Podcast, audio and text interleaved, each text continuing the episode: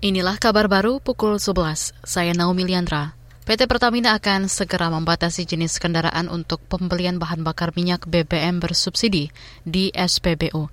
Direktur Utama Pertamina Nika Widiawati mengatakan, data kendaraan akan ditarik dari Korlantas Polri agar lebih akurat, sembari menunggu revisi peraturan Presiden terkait pembatasan BBM. Untuk kendaraan roda 4 dari uh, jumlah kendaraan sekitar 33 juta itu baru mendaftar 2 juta, jadi baru sekitar 6,4 persen. Kita kan tidak bisa menunggu ini sampai harus terdaftar semua padahal kita berharap revisi Perpres segera mungkin. Maka cara yang kita lakukan sekarang adalah melakukan integrasi data dengan Korlantas. Jadi datanya kita tarik di mana di data itu ada nomor polisi, ada pemilik, ada CC-nya dan ada jenisnya. Sehingga nanti ketika regulasi keluar kita bisa langsung kunci berdasarkan data itu.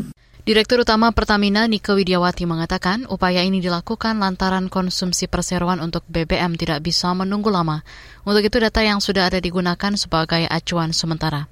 Ia juga memastikan data yang ditarik hanya akan digunakan untuk keperluan pembatasan penggunaan BBM bersubsidi saja.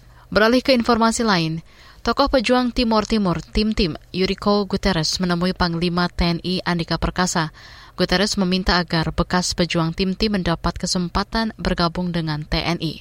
Permintaan itu ditanggapi Andika dengan memberi arahan langsung ke anggotanya untuk mencari informasi seleksi penerimaan prajurit dalam waktu dekat.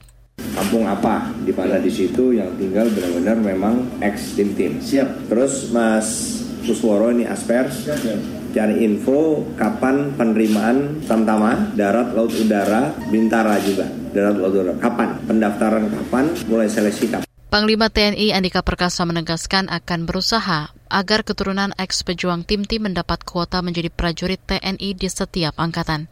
Pasalnya selama ini anak-anak ataupun cucu ex pejuang tim-tim tidak bisa ikut mengabdi kepada NKRI dari jalur keanggotaan. Beralih ke informasi mancanegara, Saudara, Perdana Menteri Inggris Liz Truss berencana menggelontorkan subsidi energi 50 miliar pound sterling atau 2.571 triliun rupiah untuk melindungi rumah tangga dan bisnis dari melonjaknya tagihan energi. Hal ini mengakibatkan pinjaman pemerintah meningkat kepada para investor. Melansir CNN Business, Trust tengah menyusun rencana untuk membekukan rata-rata tagihan energi tahunan rumah tangga sebesar 2.500 pound sterling untuk dua tahun ke depan. Adapun Trust merinci rencana tersebut dapat mencakup 90 miliar pound sterling atau untuk mendukung rumah tangga dan 60 miliar pound sterling untuk bisnis. Jika demikian, itu akan melebihi jumlah subsidi gaji jutaan pekerja yang dikelontorkan pemerintah selama pandemi pandemi.